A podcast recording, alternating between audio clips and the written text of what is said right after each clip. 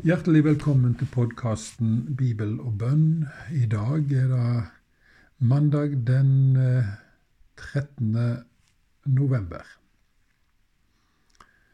Det er en stund siden jeg har vært på lufta nå, men eh, bedre seint enn aldri.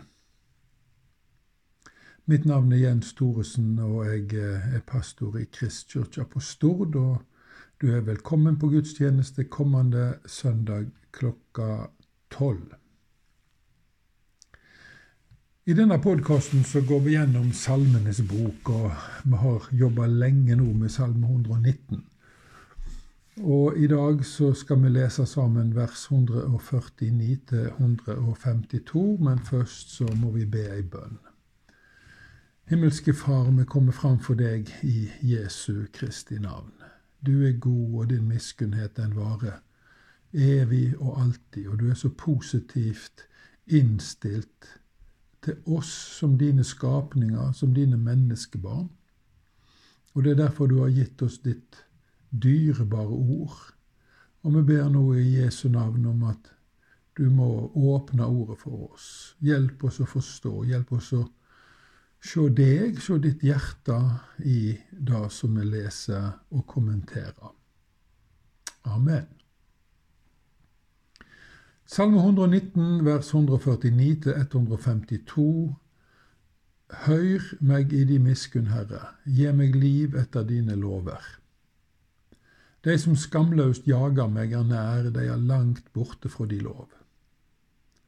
Herre, du er nær, alle dine båd er sanning. Av dine lovbåd har jeg lenge skjøna at du har grunnlagt deg for evig. Når vi ber, så vil vi jo helst at Gud skal høre oss slik at han svarer oss positivt. Det er jo hensikten med hele bønna. Hele poenget med at Gud i sin store nåde har åpna bønnedøra for oss. Hva er det så salmisten ber om? Han ber om liv, om det livet som springer ut fra Guds lover. Guds lover er nemlig livsfremmende. De er nøye tilpassa de krav naturen setter for at vi skal klare oss godt her i verden. Alle som priser Gud og stoler på Han, erfarer Guds nåde på alle livets områder. Alle som holder hviledagen hellig, blir velsigna de andre seks vekedagene. Alle som ærer foreldrene sine, høster velsignelse som kommer av sterkt samhold i familien. Alle som unngår å skade andre, minsker sjansen for å få fiender. Alle som gifter seg og er tru mot ektefellen sin, unngår katastrofale og helsefarlige samlivsbrudd. Og skal vi ta med også kjønnssykdommer. Men den som forkynner Guds lover og formaner mennesker til å holde dem, han utsetter seg likevel for fare.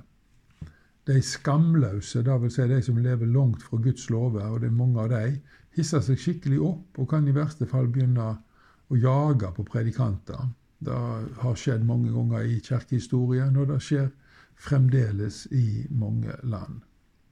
Forfølgelse for Guds ords skyld er velkjent i Skriftene, som sagt i kirkehistorien og i vår egen tid.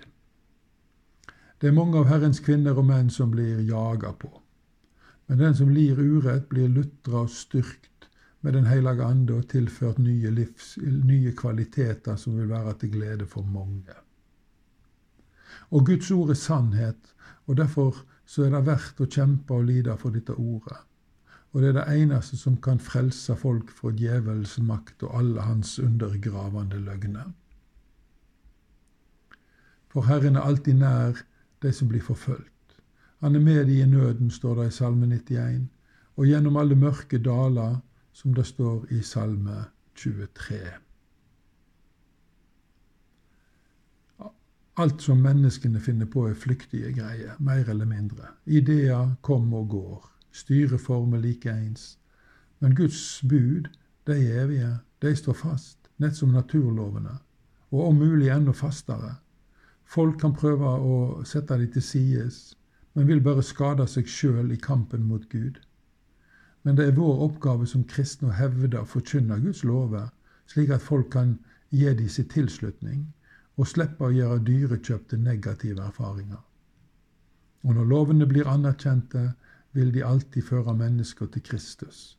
Da blir ikke bare livet her og nå styrka, men de som lærer Kristus å kjenne for evig liv.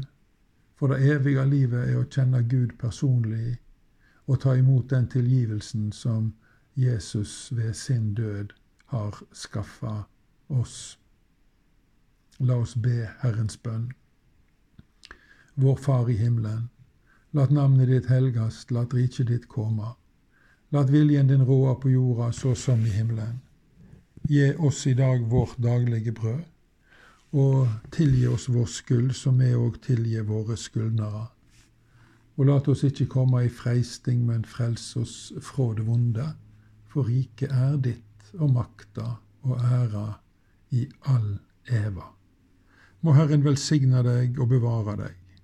Må Han la sitt andlet lyse over deg og være deg nådig. Må Han løfte sitt åsyn på deg og gi deg fred. Amen. Hjertelig takk for at du tok deg tid til å delta i eh, bønna og lytte til undervisninga. Jeg ønsker deg en god ettermiddag, og så kan det vel hendes at vi høres om ikke så lang tid.